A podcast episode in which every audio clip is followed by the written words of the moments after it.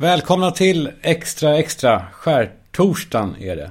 Det är ju jävligt slående när man går genom stan en sån här dag att det är tomt ju. Det är, det är som att det är som att det är påskdagen. Jag tror folk drog redan igår va. Någonting sånt. Det blir ju för varje år så tullar man lite mer på varje dag. Så skärtorsdagen, det är ändå dagen innan en långfredag. Och sen på måndag är det, påsk, det är två dagar efter påskafton. Då kan man ju ta ledigt en dag efter påskafton. Vad borde man göra? Och kanske dagen innan skärtorsdag så att man, man kompar av. Det blir, det blir fan mindre och mindre kvar. Och kvar är jag i stan. Och eh, ja, försöker göra en grej av det. Man försöker säga som att det var med flit. Det vill jag. Jag, jag vill inte ha något landställe eller Nej, jag vill inte åka till Alperna. Nej, det var... Nej. Apropå det vi pratade om här om veckan. Att man försöker hitta fördelar ju i, i sitt liv. Man försöker hitta liksom en... Inte bara en anledning till att man är kvar i stan. Man försöker hitta ett argument för det. Att jag tycker det är så skönt när det är mindre folk i stan. Typ så. Jag vet att ni är många med mig som, som är kvar i stan. Och det är för er jag gör den här den här extra extra podden. Och för er som är ute också. Den här är inte till för få människor. Den här är till för, för många. Det här formatet. Det är väl inget format. Men extra extra på torsdagar. Det är ju ett extra program då. Där tanken är att vara. Jag vet inte, det har blivit så i alla fall. Att tanken är att jag bara är lite mer mindre planerad. Kanske. Jag är inte överdrivet planerad heller på tisdagar. Men, men eh, jag är ju fortfarande mitt i den här processen. Och jag vet att vi ska inte prata om mig. Och vad jag, vad jag tycker. Jo, men det kan vi göra lite grann. Men, men det handlar liksom inte bara om mig när jag pratar om mig. Eh, men den här, det låter så jävla ego att prata om min process. Ja, för min process är, är när jag tänker på mig. Nej, men det här, jag är faktiskt inne i en jävla, en riktig jävla eh, eh, en grej. Eh, det kommer hända grejer på ett bra sätt. Alltså inget dåligt, bara, verkligen bara bra. Personlig utveckling. Och eh, ja, men det har slagit mig hur hur jävla tydligt samhället är uppbyggt eh, på eh, alltså vilka fördelar som vissa har och vilka nackdelar som andra har. Och jag ska inte gå för djupt i det, men, men eh, alltså Sverige är ju i grunden otroligt ojämställt. Ojämställt. Ojämlikt. Måste det bli. På, ja, men på, på så jävla många nivåer. Och jag säger inte att det är fel. Obs. Jag är inte sån. Jag är verkligen... Nej men det kan vi väl prata lite om. Det finns så jävla gott om folk som bara... Som säger en sak utåt och lever ett annat sätt liksom inåt. Den som är gynnad av ett system. Som jag är på många sätt. Kan ju liksom... Nej men man kan inte brinna för rättvisa på samma sätt som någon som är utsatt för orättvisor. De, eh, det blir, en, eh, det blir en, ett poserande när, när nej men som politiker, det är väl klart att det finns ett enormt politikerförakt. När, alltså med all rätt, för att hur ska en politiker som har så extremt många och fina stora fördelar kunna, nej men, kunna förväntas göra någonting åt saker som de själva slipper vara med om. Ja, alltså så är det ju. Det är väl lika bra att erkänna det. Jag är likadan. Jag gör, jag gör ingenting åt någonting där ute i form av så här orättvisor. Men jag vågar i alla fall säga att jag, att jag bryr mig. Eller, ja, det gör jag. Men det är också lätt att säga, jag bryr mig. Men jag, så här då. Jag vågar i alla fall erkänna att jag åtnjuter rätt många av de här fördelarna som, som vissa absolut inte har. Man är ju emot alla köer utom de som man eh, som själv kan tränga sig i. Kan vi inte vara ärliga med det? Tänk vad befriande det vore om också politikerna var det. Om de kunde erkänna att deras livsstil, den ligger så långt ifrån vanliga människors livsstil att de egentligen de är oförmögna att ta ett enda beslut som rör vanliga människor. För de har ingen aning om hur det är att leva där. Jag, som sagt, jag säger inte att jag vet mycket mera. Men jag är inte heller politiker. Det här var så... Ja, Ulf Kristersson eh, han la ut en, en eh, post på Insta där han, det var en bild på Finlands flagga och, och, eh, och han skrev typ grattis det här med NATO och sådär. Och jag brukar verkligen inte skriva kommentarer på äh, liksom, människor jag inte känner Instagram. Men nu, äh, ja, men han är väl kanske lite undantag då, Ulf, för att ja, han följer mig. Ja, han, kanske han gör då, för att han tycker att jag är intressant och så. Så att jag kände ändå, jag, jag kan kanske skriva en kommentar då. Vi, vi följer varandra. Och eh, ja, äh, skit i det. Eh, jag skrev då att eh, jag skrev att Finlands sak har ju alltid varit vår. Men vår sak var tydligen inte Finlands. Och det blev eh, lite halabaloo där i kommentarsfältet. Och en av killarna som skrev till mig, det satte sig, det satte sig i mig. Han skrev något sådär förutsägbart att, att jag inte ska öppna käften och sånt jag inte vet någonting om. Och så, eh, det är så hemska ord det där tycker jag. Men, eh, men jag vet, så gick jag in på hans profil och kollade igenom hans flöde. Och, och det var tydligt att han är någon form av väldigt engagerad moderat. Anil hette han, någonting sånt. Eh, för alla bilder på honom, de var liksom, han har så här stekiga solglasögon och tajt skjorta och ljusa byxor. Och står framför riksdagshuset. Och han liksom tittar bortåt på alla bilder. Som att han var så här. Eh, han, han ser eh, framtida erövringar kanske. Eller så vill han vara snygg, jag vet inte. Han, han ville också ha, liksom signalera någon sorts koll på mode. Det var lite så här, som när, så här man, när män åker till Florens på modeveckan för män. Vad heter det? Pitti Uomo. Och de, de kallar det inte Florens, de säger Firenze. Och jag vill, eh, jag vill eh, klösa av mig huden varje gång jag läser. Firenze, Firenze. Och så, så har de bett någon ta en bild av dem där de går. Med sina, liksom, eh, ofta så här byxorna uppe vid naven och någon nonchalant eh, kavaj som de, häng, som de går med, med pekfingret genom öglan där i, i nacken sådär. Som att de går så, som att någon går så någonsin. I alla fall den här killen då, Anil, han, eh, han skrev långa texter om hur sakerna förhåller sig i det här landet. Han hade lösningar på allt. Fast när man läser så har han inte lösningar på allt, han bara beskriver problemen i allt. Han, eh, att det borde inte vara så här, skriver han. Det, det har han möjligen rätt i. Men det är just sådana som han, sådana pissungar som han, som använder så här politiska ord och, och säger sig vara bekymrade över, över gängkriminaliteten. Be bekymrad.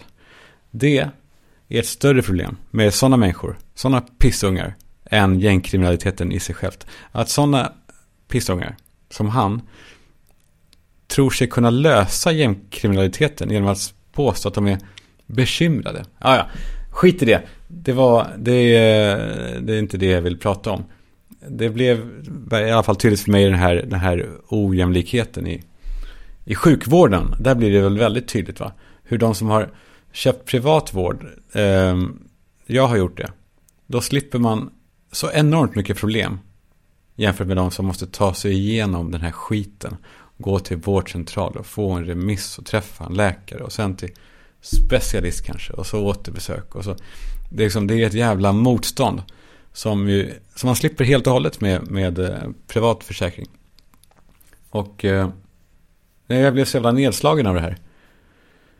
Faktiskt. Och nu låter det som att, att jag sitter på en hög häst och blir nedslagen. Det var, för det är inte riktigt så enkelt. För, att, för mig blir det nämligen en blandning i den här processen. Um, för att, ja, jag kan... Ska jag gå in? Nej. Jo, jag kan väl lika gärna göra det då. Jag eh, har, blökt, jag har högt blodtryck har kommit fram under eh, min process. Att det stegar sig lite grann ibland. Min pappa hade det. Och han sa alltid, hela min uppväxt, att han tänkte på mig för att få ner blodtrycket när han skulle mäta det. Och då när jag skulle mäta mitt nu så, jag tänkte inte på honom då, utan på mina barn. För att få ner det. Och, eh, men det ville sig inte, det gick inte ner. Det var, det var högt liksom, det var över gränsen. Varje gång. Och det var bekymrande. Jag fick en, eh, ångest av det där. Att jag inte är, äh, att jag är mm, sjuk. Eller att jag börjar bli gammal kanske. Att jag, ja, att det är något fel på mig. Så jag funderade jättemycket över det där. Och det kom fram sen till slut att jag måste nog göra någonting åt det här. Och det kunde då inte min läkare göra. Eh, utan hon sa då, eller han, men det var en hon i det här fallet. Eh, sa då till mig att det finns vissa människor som får ett förhöjt blodtryck just när man ska mäta det. Alltså just, bara just då så sticker det upp. Det kallas för white coat syndrome. Och eh, ja, men det är bara att befinna sig då på en, liksom en sjukhusliknande miljö kan få trycket att bara stiga. Och jag kände ju direkt att ja, men det här är ju jag, det är mig hon pratar om. Alltså sjukhus för mig, jag blir Joe Pesci på sjukhus. Jag blir en, jag blir en liten dåre. Jag blir hetsig, andfådd, jag får hjärtslag. Ådrorna krullar sig i tinningarna. Och liksom leker, det är som ett jävla ormbo på mina tinningar. Och min läkare sa då till mig att du måste gå och testa dig på ett annat ställe för om du har white coat syndrome.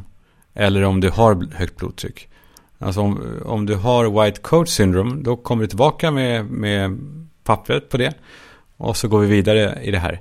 Om du då har högt blodtryck, då måste du sätta igång en riktig utredning och sätta in medicinering och sådär innan vi kan fortsätta allt annat.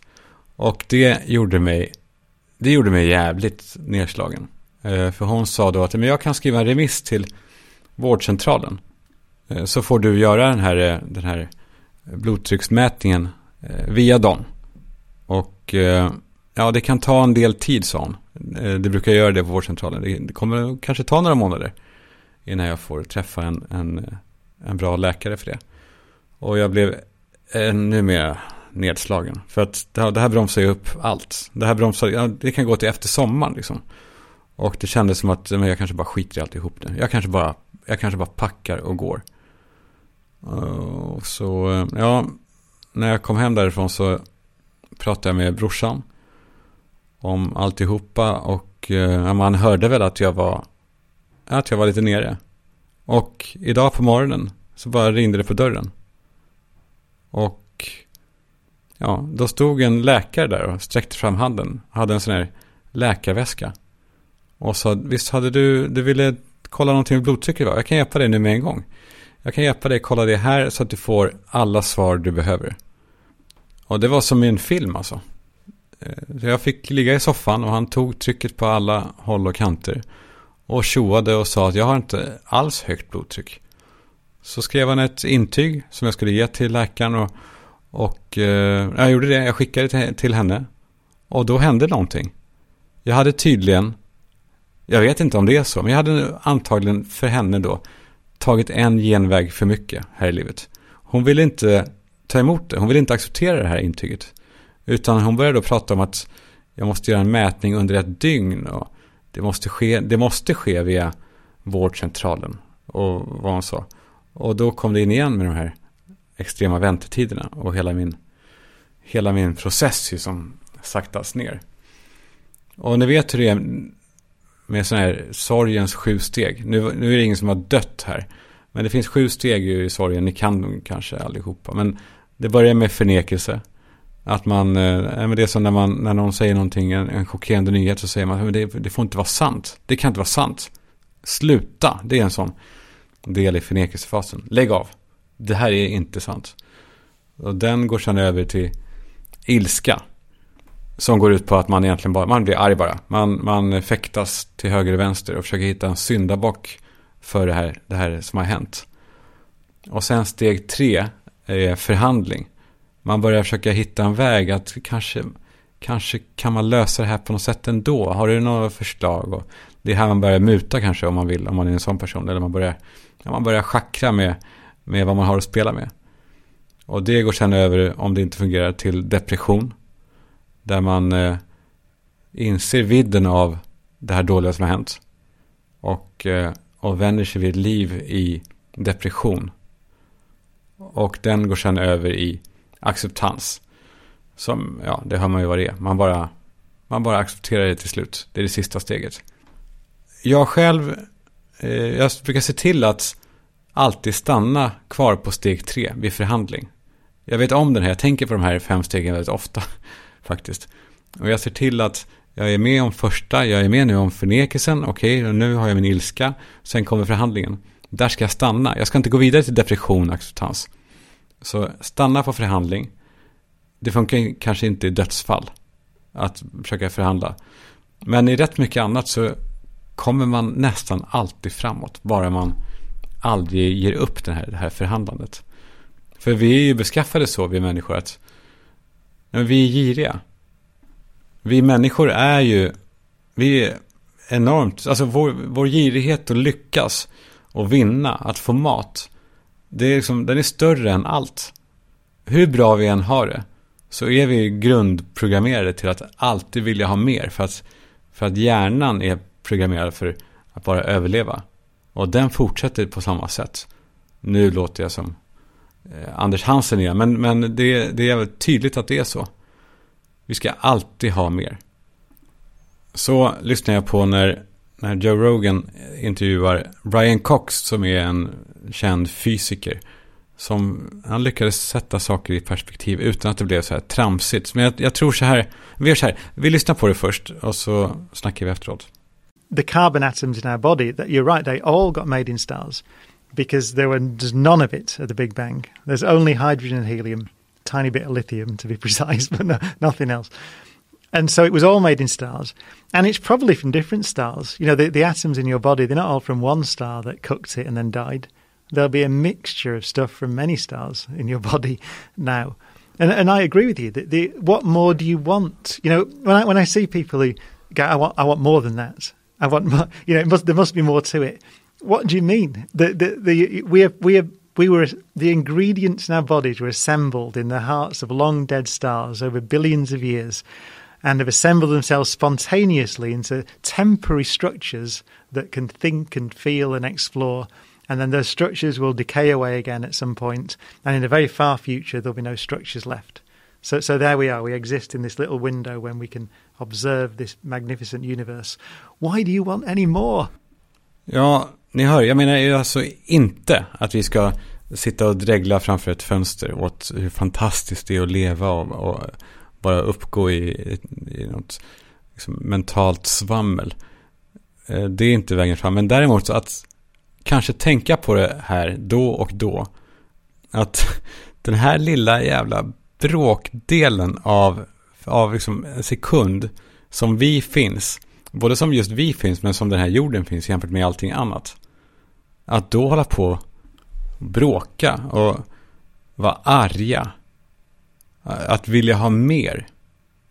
Det blir helt, eh, jag blir helt fnissig när jag när jag ser på det så. Men som sagt, man ska inte bli sån som bara sitter, då blir man ju en meningslös eh, liten liksom, lallande idiot. Man ska heller kanske inte bli motsatsen för mycket som, eh, som Noel Gallagher som, som eh, på piken av sin karriär eh, blev intervjuad om, om, om huruvida han var lycklig eller inte. What, you ask me if I'm happy? Listen, I've got 87 million pound in the bank. I've got a Rolls Royce. I've got three stalkers. I'm about to go on the board at Manchester City.